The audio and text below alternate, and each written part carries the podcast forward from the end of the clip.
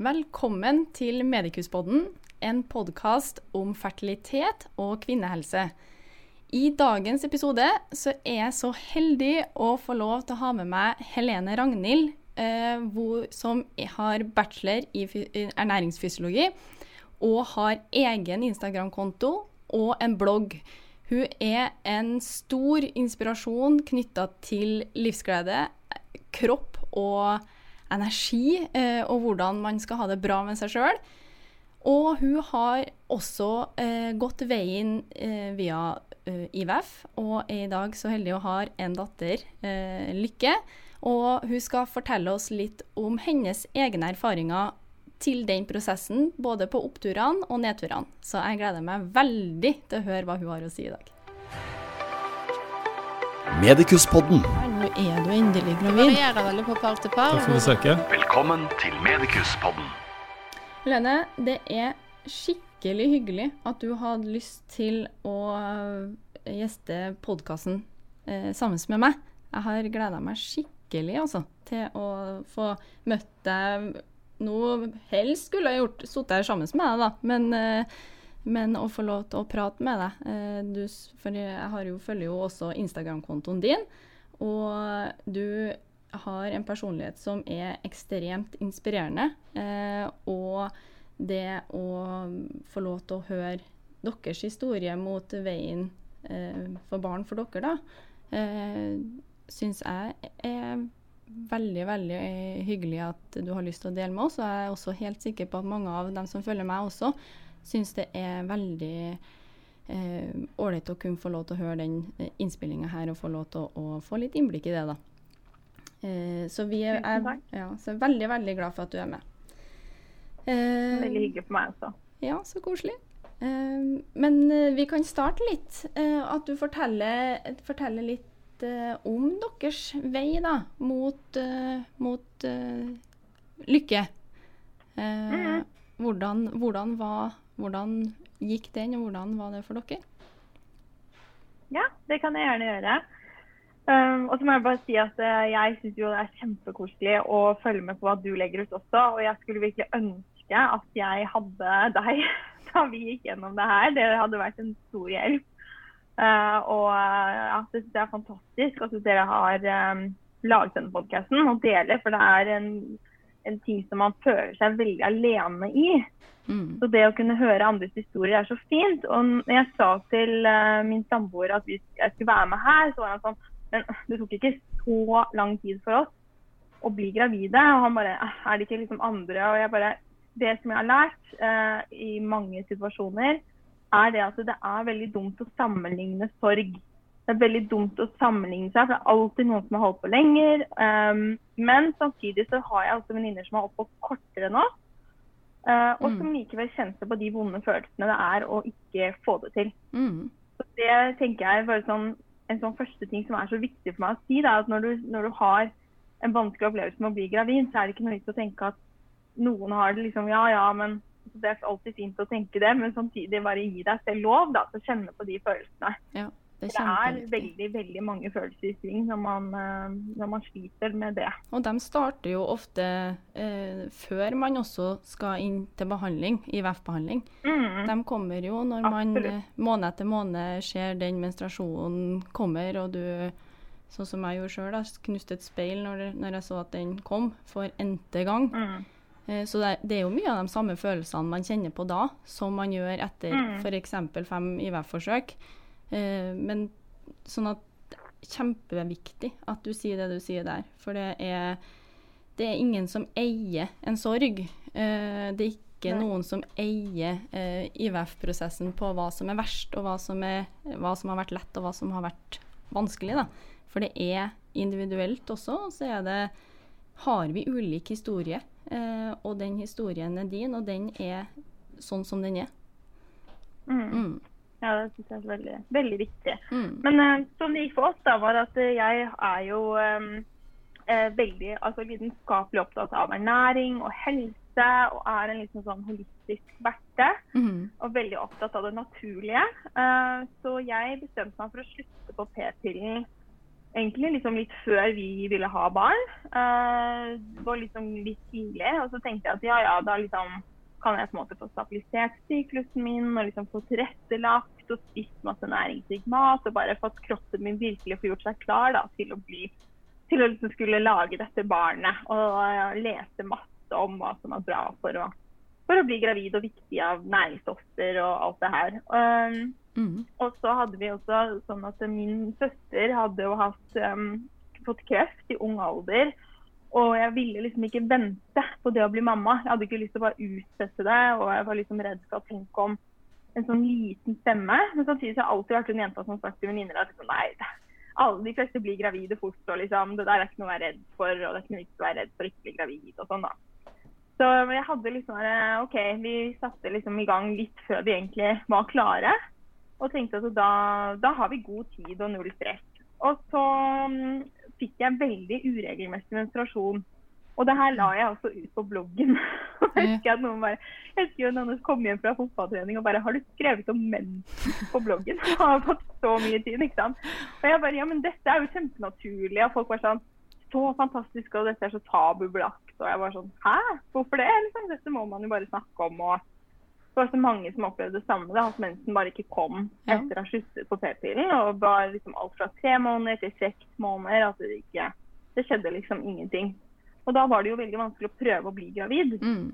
Så eh, selv om dette skapte jo også et slags sånn stress i meg. Altså liksom, OK, kroppen min fungerer ikke, hva er dette?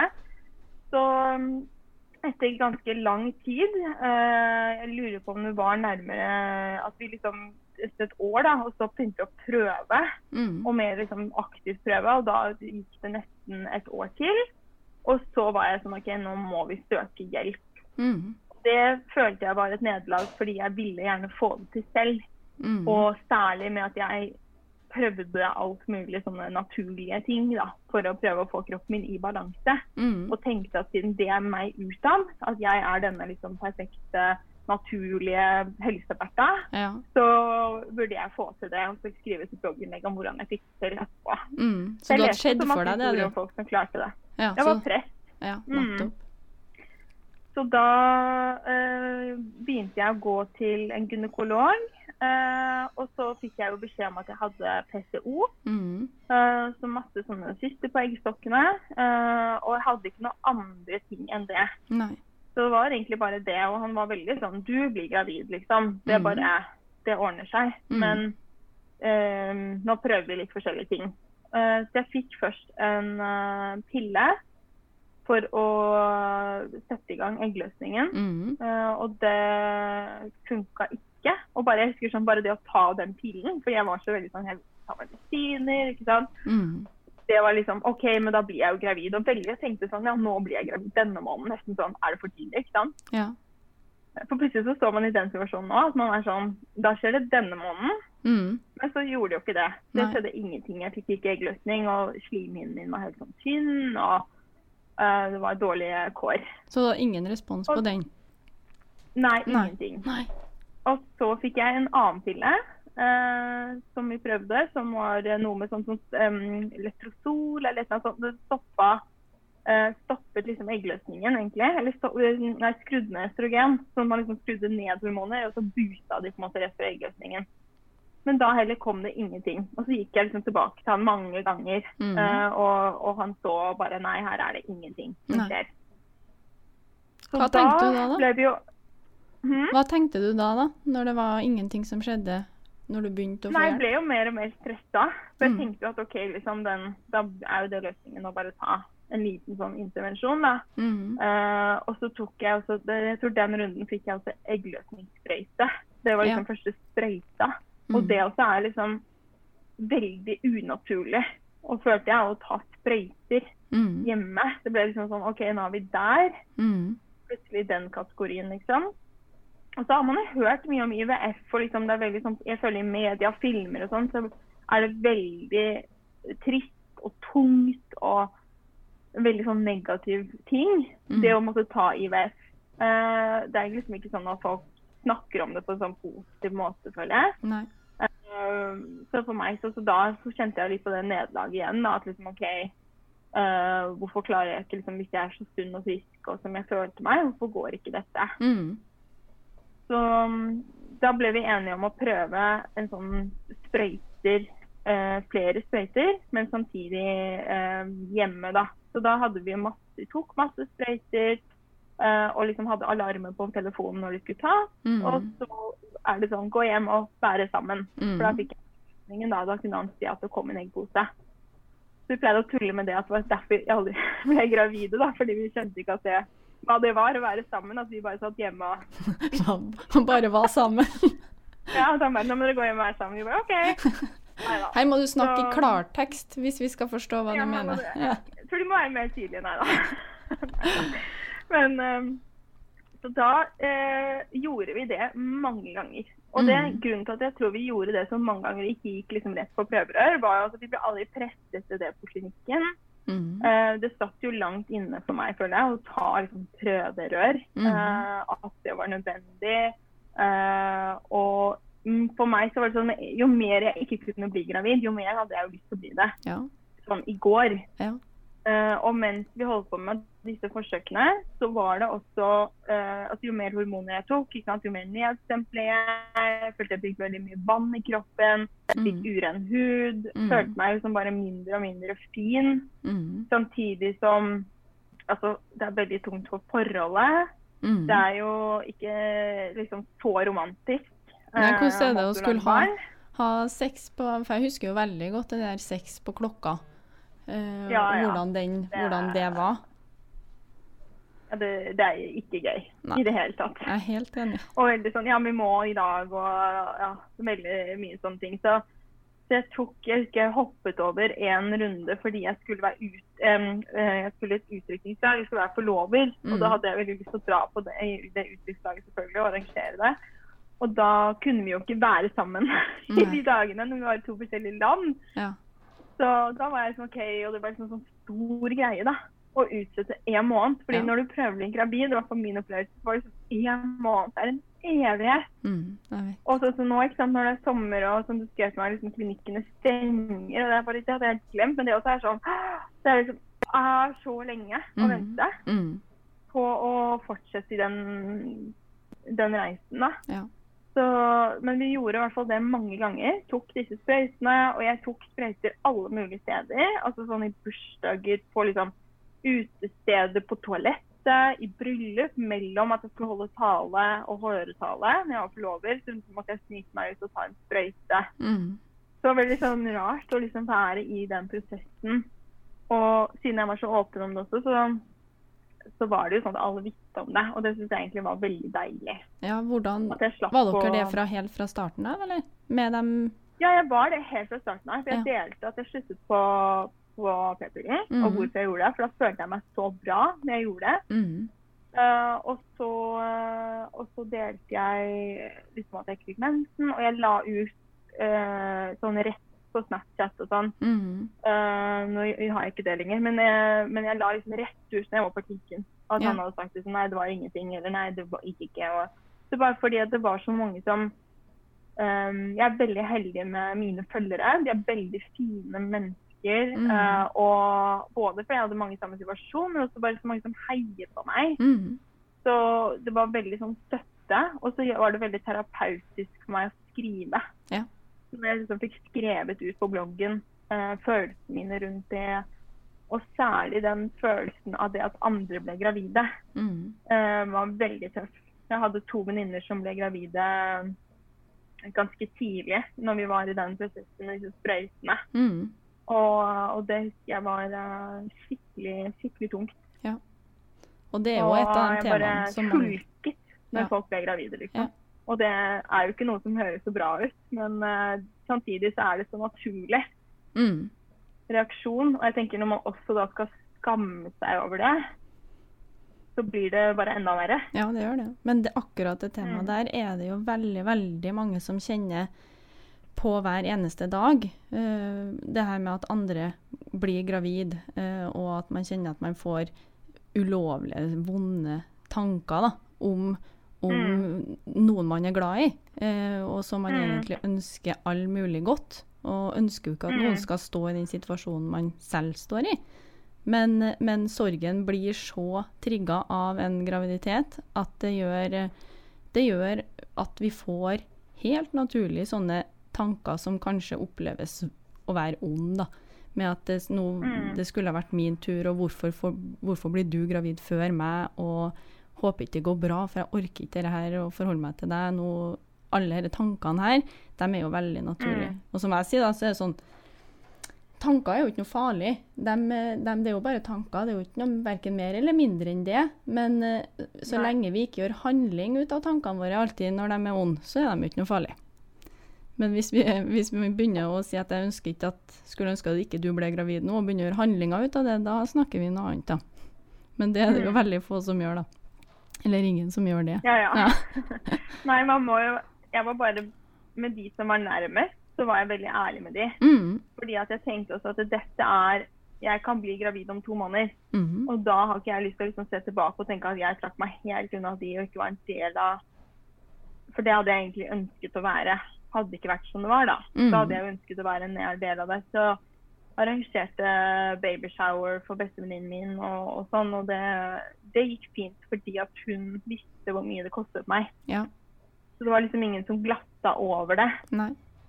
Uh, men det er uh, Det var fortsatt veldig tungt Ja, å være der og, og stå i. Så det, det er liksom noe av det jeg syns er tyngst. Men etter at vi Altså nå er jo Lykke snart to og et halvt, og Mm. nå er svigerinnen min gravid. Og nå er jeg jo bare så glad på hennes vegne. Altså det er jo ingen vonde følelser. Nei.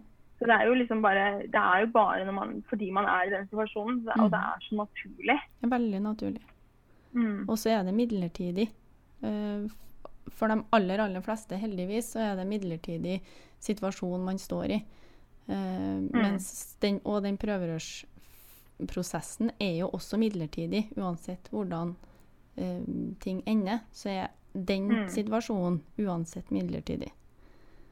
Ja. Um, så men akkurat det temaet der tror jeg det er veldig mange, veldig, jeg får veldig mange spørsmål knytta til det her med hvordan vi hvordan, hva, hva anbefaler man, hvordan håndterte du det her med å møte andre som er gravide? Mm. Um, Jeg synes det verste var de jeg på en måte som ikke visste. uh, fordi det møter man jo også på. ikke sant? At Mm. Eh, venner av venner eller noen i et bryllup eller noen som er gravid, som er sånn 'Å ja, det er så slitsomt. Å, det er så sånn.' Og, det, man bare, det eneste man ønsker seg, er å være kvalm. mm, Eller å ikke sove fordi Mm. man har en nyfødt baby. mm, Uh, men, uh, det, er, men det er jo fordi man vet ikke. Eh, og jeg husker så godt en gang jeg var, når jeg var gravid, så var vi ute i en bursdag, og da var det noen der som hadde mistet mange ganger. Mm, Og da husker jeg liksom måten hun så på meg, for da visste ikke jeg det. Og så sa han samboeren meg til det, det til meg etterpå. Og da tenkte jeg bare sånn åh, nei, nå var jeg henne mm, som var gravid, og som var så veldig sant, Alle var jo bare sånn Å, det er så fantastisk at Helene er gravid. Og jeg gikk jo liksom med magen veldig sånn frem. Da, Ja. ikke sant? Viste, liksom, kledde meg veldig sånn for at folk skulle se at jeg var gravid, og syntes det var så fantastisk å være gravid. mm, Så tenkte jeg liksom, nå er jo hun har jo hun de vonde følelsene som jeg hadde, og jeg er den på en måte, vonde personen for henne. da. Så Mhm. det er jo veldig naturlig ting. ikke sant? Så det er jo ikke noe, det er jo ikke vondt ment fra de som sier det, eller de fleste vet, vet Hvis de ikke vet, så har de jo i hvert fall ikke nei, det Så man må bare eie sine egne følelser og tenke at liksom, det er bare følelser, og det er lov. Og snakke med noen om det tenker jeg at det er kjempefint. da, Enten mm. man kommer til deg, og, så, og man kan kanskje snakke om det sammen som par også, mm, eventuelt med en tredjepart. mm, fordi der opplever man jo veldig forskjellig, for det er nå kvinnen som går gravid. mm, Det er jo forskjellig. Det var sånn for oss. Det var veldig sånn, Han tok det mye lettere enn meg. ja. Så det var jo jeg som tok alle hormonene, og det var jo jeg som da på en måte mer og mer ble så utålmodig. Mm. Og satte liksom litt livet mitt mer på vent. Mm, Mens han kunne på en måte fjerne seg fra det. Og så hadde jo han andre følelser. ikke sant? Så det er jo ikke eh, Men det var veldig Jeg tok det veldig tungt. mm, Så for oss sammen så ble jo det også en, kanskje en avstand som da ekstra ble. At jeg var så veldig sånn Ja, men dette er det viktigste. ja. Uh, mens han var sånn Kanskje vi kan ta det litt med ro. Mm. Og Mm. den, den, den der er jo også veldig vanlig, eh, fordi Mm. man er forskjellig. Og det ser jeg faktisk også i, i mm, lesbiske forhold, eh, hvor det er to kvinner. Som, Der er Mm. det også ulikt. Eh, den som skal være medmor, på en måte har eh, ofte en en annen innstilling til prosessen og opplever det litt annerledes. Og så, sånn at vi er Det er ikke gitt at man eh, begge to går ned i samme sorgen eller håndterer det likt, eller Og jeg ser jo det som en styrke at man er ulik i det her.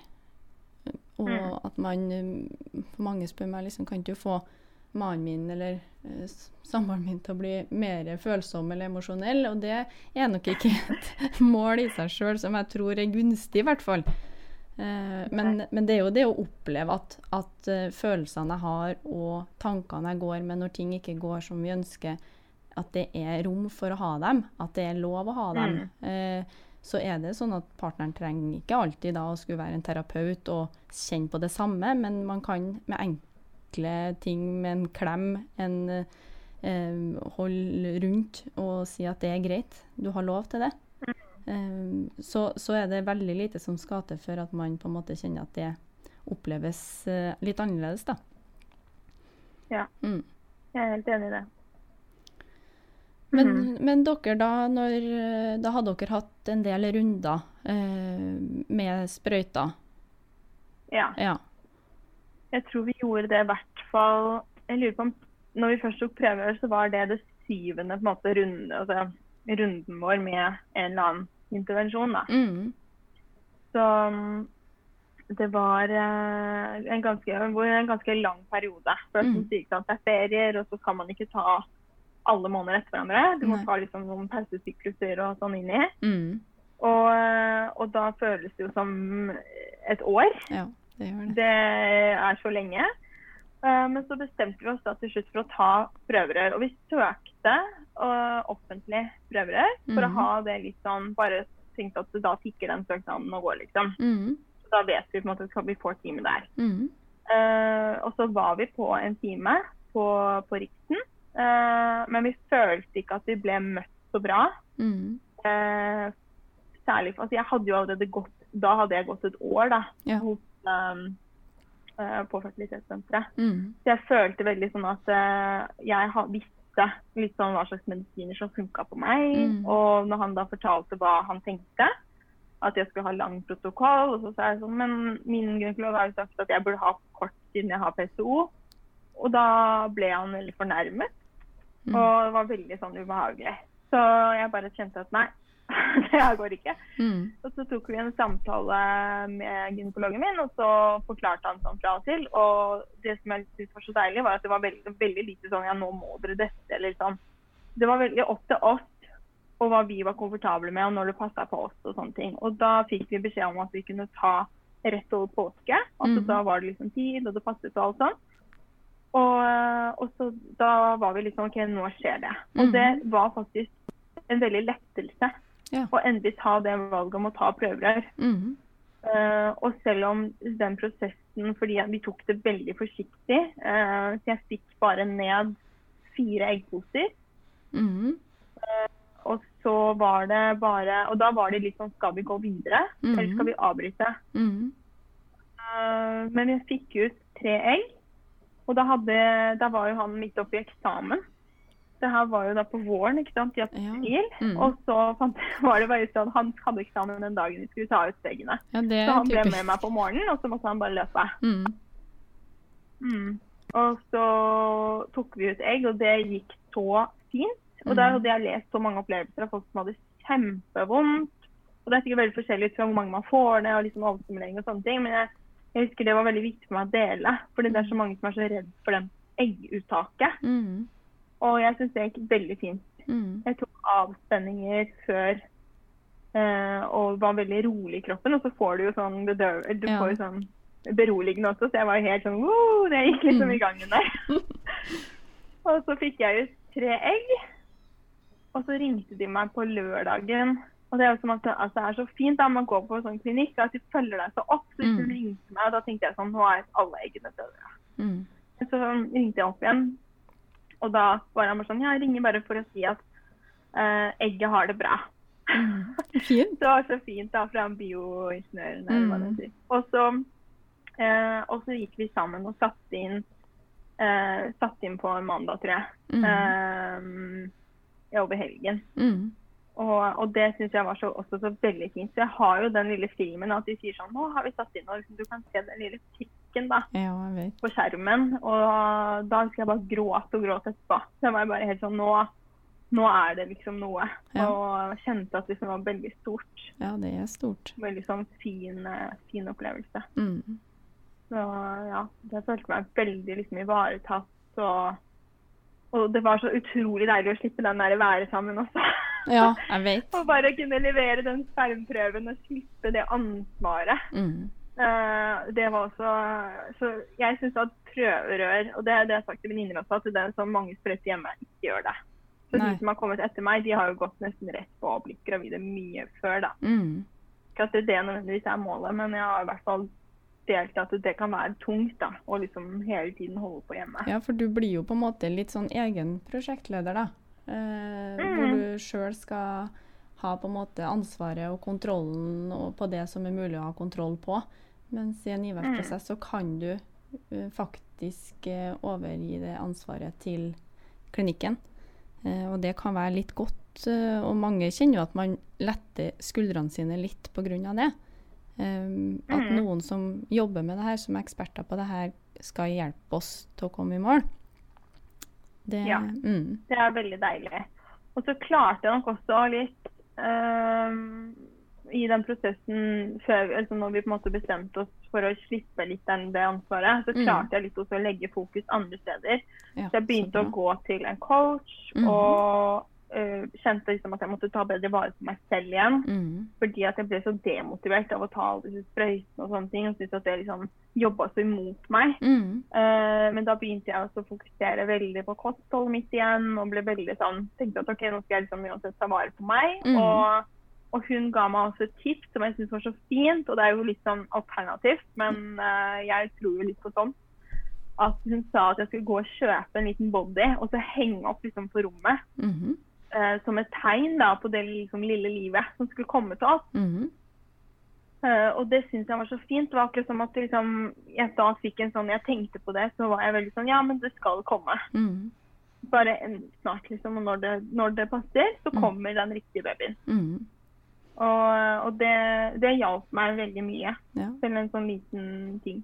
Og det, det der så Mm. er jeg Når du sier det der, så blir jeg litt sånn rørt inni meg sjøl. For det er jo mye av det jeg snakker med veldig, veldig mange par om, da. Eh, er jo det her å Mm. på en måte klare å omstille eh, tankene sine til å se på det her som en prosess med en stjerne i enden. Eh, og den stjerna er da det barnet man går og håper på og jobber så hardt for å få. Eh, men det, den har på en måte ikke en datostempling. Den, du har ikke noe, den er litt svevende, men den er, er der. Og da er en sånn body, som, body eller en bamse eller noe som du kan henge på den stjerna, som gjør at den på en måte blir enda synligere. da.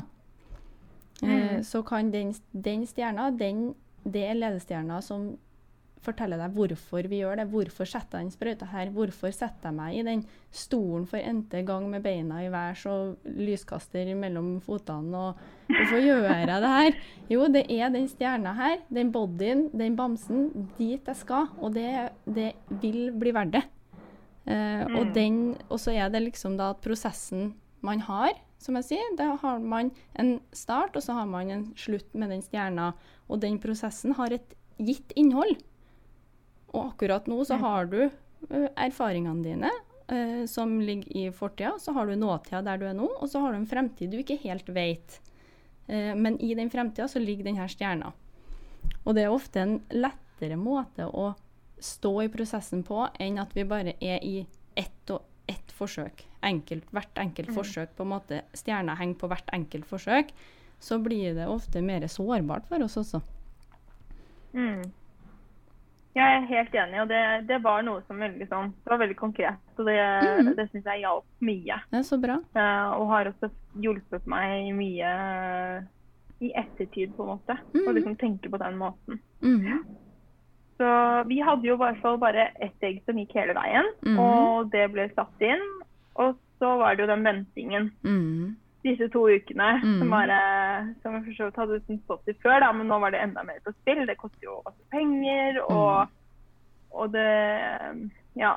Det føltes veldig sånn og jeg husker at eh, eh, noen som liksom rundt meg sa sånn Ja, men går det ikke nå, så går det liksom en annen gang. Jeg bare var sånn Går det ikke nå? Altså det Liksom hvor mye det har kosta meg Mm. å være i den prosessen. Mm. Og liksom det kvinnekroppen må gjennom i en graviditet og en fødsel og kanskje amming og så, så mye som vi får til. Men det å liksom starte da, med flere år, eller mange år, eller hva det er, Mm. uh, med all den prøvingen og alle disse hormonene i forkant. Mm. Så det husker jeg syntes var tøft. Så det jeg gjorde da, var at vi hadde akkurat kjøpt leilighet. Uh, så jeg flytta inn i den. Så var jeg her mest alene og leste Jo Nesbø og malte vegger. Som sikkert ikke er så bra når man er gravid. Men, eh, men jeg var veldig sånn Jeg måtte bare være i en boble. Ja. Så, og det, Jeg får veldig mye spørsmål om det. At Ja. liksom, sånn, jeg kan få melding på Instagram sånn, nå har jeg satt inn, og hva bør jeg gjøre? Og jeg Mm. fikk sånne råd som å liksom holde føttene varme. og så, Altså, så tenker jeg sånn, Hvis det gjør at du føler deg bedre, gjør det. Mm. Uh, jeg tror ikke det er noe man kan gjøre Nei. når man først har satt inn egget. Da, da, nå er det ikke opp til deg. Nei. Og det er jo samme når man blir gravid og folk liksom er så redd for å miste. Sånn, så det er ikke noe du kan gjøre, Nei. annet enn å ikke gjøre de helt crazy tingene. da. Mm. Så, så prøv også bare ta best mulig vare på deg, og gjør det som føles riktig der og da. Mm. Eh, Det, det var i hvert fall det jeg gjorde. Mm. Litt sånn intuitivt. Og det er nok det, det er jo det jeg også veileder eller gir råd om. eh, at når man har satt tilbake, så er man så redd for at man skal stresse ut eh, det embryoet som er satt tilbake, eller at man gjør noen ting som er grunnen til at det ikke gikk. Eh, og Mm. da er det helt samme som du beskriver, at det her å ha fokus eh, på hva som er godt for deg. eh, hva er viktig for at du skal ha det bra i en såpass krevende situasjon, da. Så, så er det å legge ned, um, legge ned tid og krefter til å gjøre mer av det. Fordi Mm. det, den beste påvirkninga du kan ha, er jo at du har det bra. For så lenge du har det bra, så holder du ut lenger.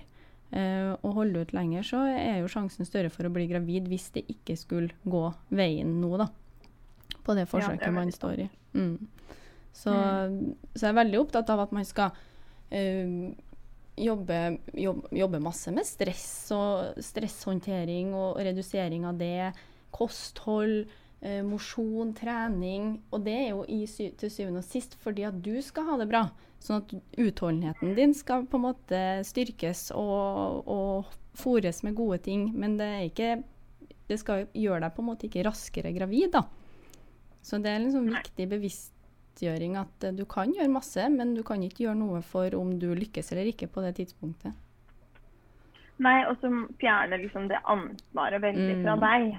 Mm. Sånn at ikke du går og føler så mye på det. Og jeg er jo selvfølgelig veldig for uansett å spise veldig sunt og alt det her. Mm. Men uh, jeg tenker at så lenge du spiser sunt, så skal man ikke tenke at liksom, å, hvis jeg bare tok et eller annet tilskudd, eller hvis jeg bare gjorde det, så hadde det gått. Fordi Mm. det blir veldig det blir veldig feil. Mm. Da blir man jo helt ko-ko også. Ja. Eh, Så det viktigste er jo Det er vanskelig liksom å ta imot sånne råd. Men, eh, men av en eller annen grunn så, så funka det ganske greit. Jeg hadde liksom noe annet å gjøre, så for, kanskje legge fokus på noe annet også. Mm. eh, kan være fint. Mm. Jeg er helt enig. Mm. For det er litt sånn her i Vi må tenke ja, min, min erfaring har vært sånn vi må tenke litt annerledes når man står i en IVF-prosess enn det man gjør i andre mål i livet. For da liksom, ligger det liksom veldig i ryggmargen min da, at hvis jeg har fokus på noen ting, så liksom, da får jeg godt resultat. Da, Mm. jo mer fokus, fokusert jeg er på det jeg skal oppnå, jo bedre blir resultatet. på en måte. Mens i en IVF-prosess, så jo mer fokus jeg hadde på, på barnet, jo mer sårbar ble jeg. Eh, fordi Mm. at hvis det ikke gikk, noe som jeg ikke hadde kontroll på, så sto jeg veldig på bar bakke, og så sto jeg igjen med veldig lite andre ting å glede meg over. Ja. Så jeg er veldig enig med deg det her med å spre fokuset litt da, på en bedre strategi uh, enn å fokusere kun på det ene, selv om det er fryktelig vanskelig. Da. Ja, det er, det er veldig vanskelig råd å følge. Ja, det er Det, det er det. Mm. Mm. Jeg hadde også mye sånn fokus på jobb den perioden, og det var jo veldig bra for meg. ikke sant? Mm. det, ja. Så det, jeg klarte liksom å legge det litt mer bort enn Mm. eh, i starten. Mm. Mm. Men den venteperioden der, da, hvordan endte den da? Nei, øh, vi øh, Jeg jo, bodde jo i den leiligheten alene da. Så det jeg gjorde, var at øh, jeg hadde en time til å ta test, sant? eller blodprøve. Mm. Men så fikk jeg jo høre at jeg kunne jo ta en test litt før. Mm. Fordi det finner jo sånne du kan ta både tre og fire dager før og sånn. Så til slutt gikk jeg og tok en test, mm -hmm. eller kjøpte en test. Så tok jeg den sånn kjempetidlig på morgenen. Jeg våkna sånn fire på morgenen. Mm. eh, og bare tenkte OK, nå skal det ikke, liksom. Fordi på en måte så vil du ikke vite om det er negativt. Nei. Og når du tar det så tidlig, så er det sånn Det kan være falskt negativt òg. Det er en et tankekjøre. Mm. Å, herregud. Mm. Det har jeg nesten glemt. Det er intenst. Er det, er det liksom, ja, det er skikkelig sånn Ja, skal jeg teste det her? Skal jeg vente? Og så gjør man det, og så er man spent, og så nei. Og så, ja. Mm. Så det jeg gjorde da, var at jeg var jo alene, så jeg filmet det. Den Ja. bloggeren som jeg er. Ja. uh, og så, eh, så tenkte jeg ja, ja, uansett liksom, så er jo dette eh, gøy å ha. Og, og så var det to streker. Og det var så sjokk. Mm.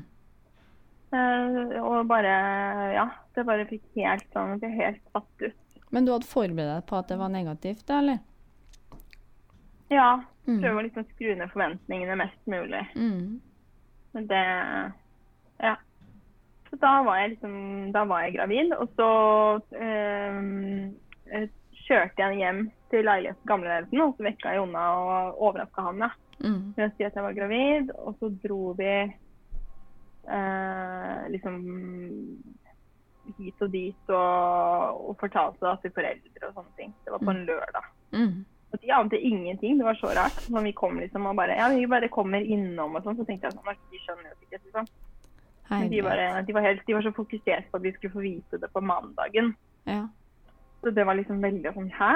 What? Ja. Så nei, det var veldig Det var veldig sånn fint, da. Ringte rundt og masse venninner dagen etter og, og bare helt sånn full jubel. Og så delte jeg det. Jeg tror jeg delte det den mandagen, da. ja. Jeg delte jo veldig veldig tidlig, men jeg var jo også veldig åpen og tenkte at sånn går det seg, så, så har jeg lyst til å dele det. Liksom, uansett. så, Mm. Så det føltes veldig naturlig, og det var så utrolig fint. Det var så mange som, Jeg har møtt så mange i ettertid også som bare sa at de begynte å gråte når de hørte det. For vi har fulgt den prosessen så tett. Mm. Folk som ikke kjenner meg. Ja, det var rørende. Eh, men det var veldig, veldig, veldig sånn fint. Mm. Og en annen ting som skjedde, var at jeg fikk et drøtt av mailer fra andre som hadde blitt gravide.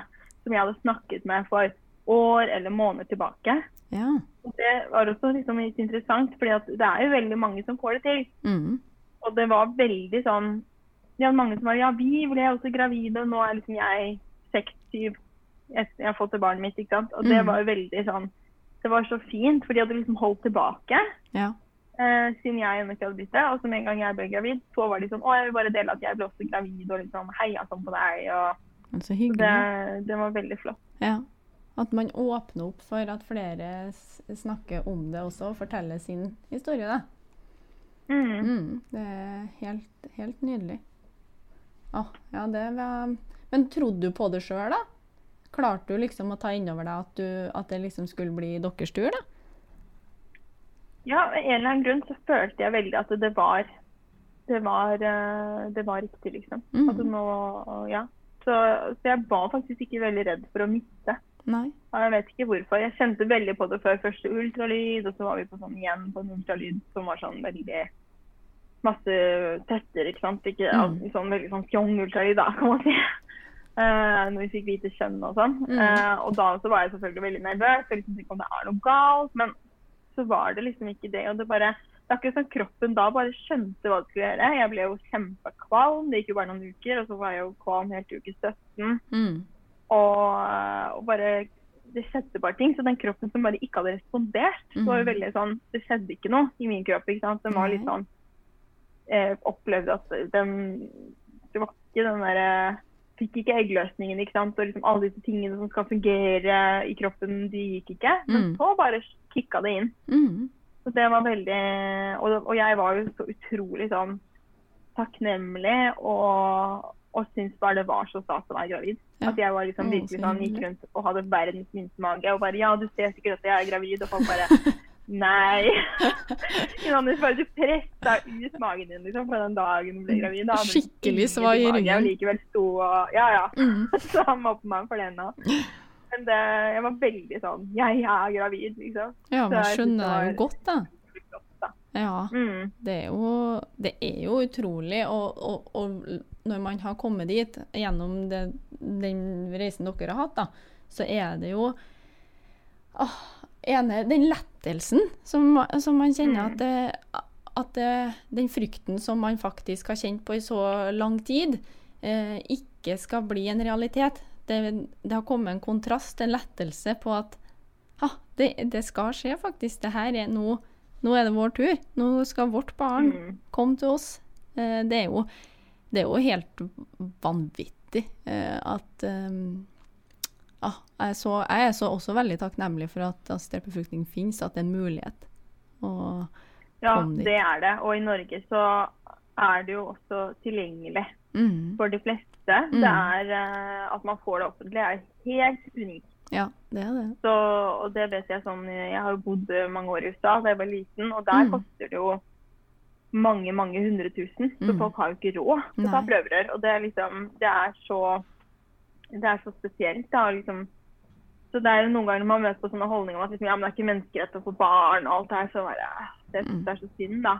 Så jeg er glad at det bare blir mer og mer eh, eh, At vi snakker mer om det, Mm. og at eh, at det også blir flere veier. da, At nå det er lov med eggdonasjon. Det er bare, det er bare helt fantastisk. Ja, Det er så mange som ønsker seg å bli foreldre. som og det er sånn det fineste når folk skriver til meg nå, liksom, at de bare Mm. er er så heldig. Og det føler jeg også at jeg har, har veldig mye kjærlighet å gi. da, Og jeg tenker også på at hun, hun er heldig som kom til oss. Mm. At hun er så ekstremt ønsket, og at vi står sånn på da, for at hun skal ha det bra. og ja, skulle ønske at det var sånn for, for alle barn. Og jeg tenker at de som har et sånt ønske, som virkelig vil, Mm. eh, de bør få all den hjelpen som er tilgjengelig. Ja. Jeg, jeg, jeg er så glad for at vi faktisk nå, nå endelig kommer det liksom endringer, altså har kommet endringer i loven òg, som du sier. Og Mhm. at det åpnes opp for enda flere. Eh, og det er Jeg syns det er så utrolig, for jeg ser, ser jo så mange fantastiske småunger som kommer uh, på, på grunn av en mor og far liksom, som bare står på uh, før barnet er født. Mm. Bare står på, står på, står på. og i en uviss periode, som du bare ikke vet. Hadde du visst liksom at ja, men du må, må, må holde på i to år, og så i juni, 3. juni så blir du gravid, og så kan du ta stilling til at ja, orker du det her eller ikke. Det hadde vært lettere, men det er jo den der uvissheten om hvor lenge skal det her pågå. Det er jo den som er så intens. Ja, og jeg tror det kanskje er for mange av oss det er det første møtet med noe som ikke du helt kan kontrollere. Ja. Vi er jo veldig vant til å vite liksom, hvor lenge det er igjen av utdannelsen vår, eller Mm. hvor lenge vi skal sitte på jobb Ja. før vi kan gå hjem. Altså, Ja. Det er veldig sånn Vi har kontroll. Men det jeg har tenkt mange ganger, er at helt siden Lykke ble født, eh, med et sånn katastrofesnitt som Mm. var alt annet enn det jeg hadde sett for meg, så har det vært så mye som har vært ute av min kontroll. Mm. Så det å starte sånn med å liksom få en sånn heftig dose med 'du har ikke kontroll'-medisin, mm. sånn sett har det vært fint i min mammareise. Ja. Å liksom gå fra For det, det kan være litt sjokk, syns jeg, da. Mm. Altså, du, når du får et barn som er et lite individ som vil bestemme selv, og det er så mange ting du ikke rår over, Mm. Eh, så, så er det Ja, det har, det har hjulpet meg mye i det å liksom ha den, og den takknemligheten. Og jeg, Mm. jeg vil jo ikke si at andre ikke er takknemlige for sine barn når man blir gravid. Det er jo, De fleste jeg kjenner har jo blitt gravide fort og er liksom like glad i barna sine. Ja. ja. Men det er liksom litt den der at jeg har tenkt noen ganger når jeg ikke har sovet og, og stått i veldig mye gråt, og liksom ting har vært veldig, veldig tøft, så har jeg bare liksom alltid hatt det med meg. At liksom det her Jeg er glad for at jeg er her Mm. med en gråtende baby og ikke sover. Mm. Fordi var alternativet var så mye verre for meg, da. Mm. Ja, og det er jo en styrke man det får har med seg. hjulpet meg. Jeg er enig i det. Veldig Mm. enig. Vi har, har jo eh, sånn mot slutten, da, så her tenker jeg bare høre litt med vi, Som vi var litt inne på, Uh, så er det jo en sommerferie som kommer eh, rett rundt hjørnet nå. Det er jo flere klinikker som stenger, og eh, der er det jo veldig, veldig mange som, eh, som ønsker både råd og tanker til hvordan skal jeg møte en sommerferie nok en gang, da, uten å spire i magen eller uten et barn. og Um, hva, hva, er din erfaring til enten om det er sommerferie eller om det, altså ferie, altså, om det er høytid eller ferie? da. Hva, hvilke erfaringer mm. har du der? Um, jeg jeg syns jo at særlig for meg så var det særlig jul. Jeg mm. syns det var veldig tungt. Mm. Um, enda en jul etter vi fikk negativ test uh, liksom lille julaften mm. et år. Det var mm. liksom bare, For da hadde jeg sett for meg hvordan jeg kunne pakke små boller og overraske alle med at jeg var gravid, og så nei. Mm.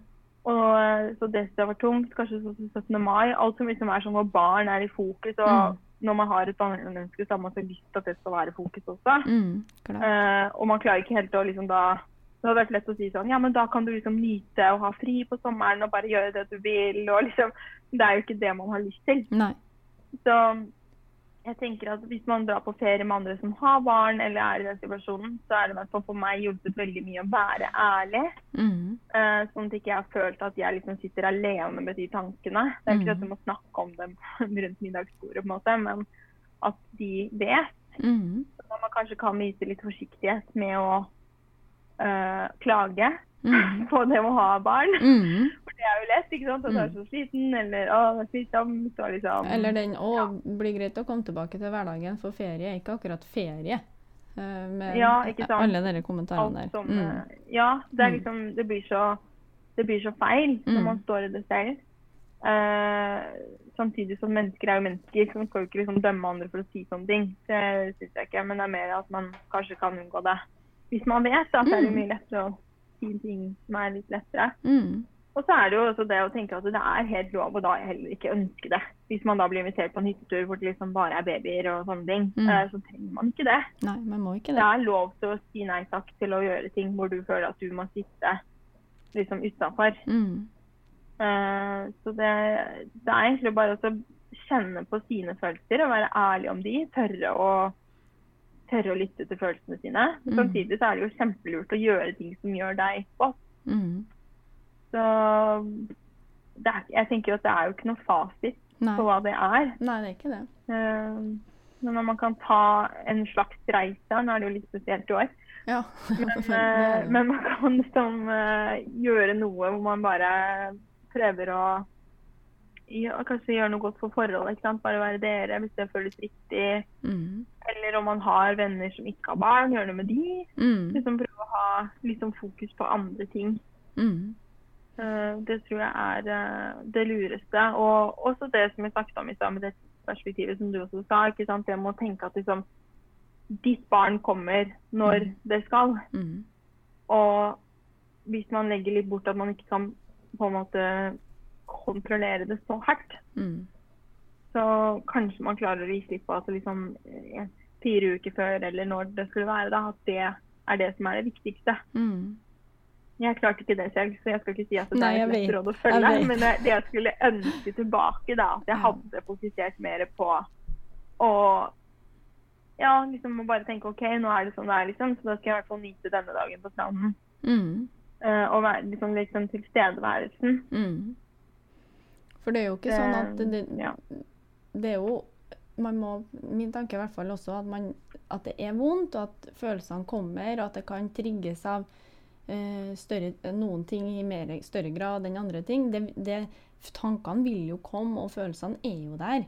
Uh, mm. Og det er jo veldig naturlig uh, at de er der når du fortsatt på en måte ikke er kommet i mål. da. Um, mm. men det, og det betyr ikke at man eh, ikke kan gjøre andre ting samtidig som man har det vondt. Eh, fordi litt mm. påfyll i bøtta eh, som har lekkasje, er bedre enn ingen påfyll. For hvis du får ingen påfyll, så stopper det opp til slutt. Eh, og det har jo jeg òg møtt noen som faktisk er helt fullstendig tom. Um, mm. hvor, hvor, hvor, fokuset kun har vært på eh, noe man per dags dato ikke er, da, det å være mamma, eh, så er på en måte identiteten forma til at jeg er bare noe jeg ikke er. Eh, Mm. Og det, det, det, er sånn, det er jo en kjempeskummel vei, men det er veldig naturlig at mange går den veien. Men da er det så viktig det her med å f.eks. bruke da sommerferien da, til å Mm. La sorgen få lov til å være med på sommerferie. Eh, det er, det, den har lov til å få være med deg. Du kan ta den med på sommerferie. Og så får den, må den få plass. For hvis, ikke, hvis den blir på en måte fortrengt, så vil den bare bli en ubehagelig svart klump som du ikke klarer å snakke om til slutt. Uh, sånn at den må få plass. Så jeg er helt enig med deg. Det å tørre å være ærlig på hvordan det er for deg å ta ferie akkurat nå. eh, Sånn at folk vet at, at man kan være litt varsom, da. Ja, og så tenker jeg at uh, ta fri fra det der ansvaret du snakket om i Mm, stad. Altså, liksom, uh, ta deg et glass vin. Ikke liksom tenk at du skal uh, liksom at Nei, men hvis jeg bare setter alle kluter til nå, liksom, så, så blir jeg gravid med en gang klinikken åpner. Og liksom tenke at OK, hvis man ser litt frem og sånn OK, hva hvis jeg nå blir gravid til høsten? Mm, Hva da? ikke sant? Hvordan har jeg lyst til å se tilbake på denne tiden? mm, når vi hadde en veldig kjip fødsel, så, så husker jeg altså jeg våkna opp med liksom kateter, var nyoperert og var bare helt helt feil for meg. Jeg hadde lyst til å føde i badekar med telys og helt, ja, jeg skjønner. den I tråd med deg, ja. Ja, ikke Mm. sant? Og så var det helt andre enden, da. Full narkose og ja. Og så når jeg da liksom hadde de dagene på sykehuset, så tenkte jeg bare sånn, jeg gleder meg sånn på disse dagene. Nå skal jeg fokusere på de, Mm, og så legger jeg bort den fødselen. mm, Og så er jeg her og nå, mm, og er med lykke. Mm, Og det er jeg så glad for i ettertid. mm, For jeg tenker liksom det nå, at ok, hvordan, det har jeg lært av den prøvelsesprosessen også, ikke sant? Altså, ok, hvordan har jeg lyst til å ha det? Ja. Hvordan jeg ser tilbake, når jeg ser tilbake, har jeg lyst til å tenke at liksom, ja, jeg bare bura meg inne og gjorde ingenting den sommeren fordi det var så kjipt at jeg ikke var gravid. mm, Det er jo de færreste har jo lyst til det. Ja. Og du har lov til å tenke at ok, da, jeg gir meg selv tillatelse da, til å ta fri fra å være i prøverørsprosessen. mm. For du får jo ikke gjort noe uansett. Nei. Og bare da bare prøve å være og tenke på andre ting. Og det Mm. betyr ikke at man ikke har lov til å ha følelser om det, men at man ikke bare altså Du bestemmer jo litt ut ifra hvem du oppsøker og hva du liksom fokuserer på også, ikke sant. Ja da, man gjør det. Så, så det det er, ikke, det er ikke lett, men det går an. Ja, og jeg tenker i hvert fall litt på perspektivet. Det er ikke, ikke helt enig, det er ikke lett i det hele tatt. Men, men det, det vil på en måte, hvis man tør, da, eh, la seg tørre å slippe opp litt på den kontrollen, eh, så har man garantert ingenting å tape på det. det man vil ikke få det verre av at man eh, slipper opp litt på den og tør å, tør å fokusere på andre ting. For det er mange sier at å, hvis jeg begynner å fokusere på andre ting, så mister jeg på en måte fokuset. Uh, og nå Mm. må jeg jo holde, hol- holde fokus på det å skulle bli gravid. Og så er det da kjempeviktig å huske på at det med en prøverørsprosess med et, med et mål du ikke har kontroll over, eh, det, Mm. det, det trengs faktisk en annen type fokus. Vi trenger faktisk å spre fokuset vårt mer for å ikke være så sårbar. Eh, og oppleve verdi og mening samtidig som vi står i noe tøft. Da. Det Mm.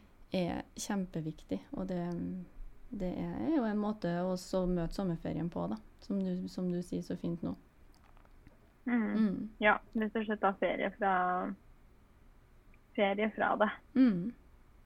Mm, det tror jeg kan være fint for forhold også. Ja. At man ikke bare er i den derre ja, Det er så mye vi ikke får gjort noe med, og det er lett å være etterpåklok. Mm. Jeg har full forståelse for det, men eh, det er i hvert fall den tingen jeg skulle ønske at jeg hadde eh, gjort annerledes selv. Jeg følte at jeg brukte veldig mye tid på å fokusere på det negative rundt det å være i den prosessen. Mm. Uh, og jeg kunne brukt mindre tid på det. Mm. Og kanskje endt opp med Altså, det hadde jo ikke hatt noe å si Nei, det, har- det, hvordan det det. gikk. Nei, det er akkurat det. Mm. Nei, men du, tusen, tusen hjertelig takk for eh, nok en gang din åpenhet og din ærlighet, og, og at vi får lov, til å, lov til å høre dine tanker og erfaringer rundt det her temaet her. Det har vært, eh, jeg syns i hvert fall det har vært skikkelig hyggelig. Så kan det jo hende jeg inviterer. Jeg er så glad for at du skaper dette rommet for Ja. å kunne snakke om det. Ja.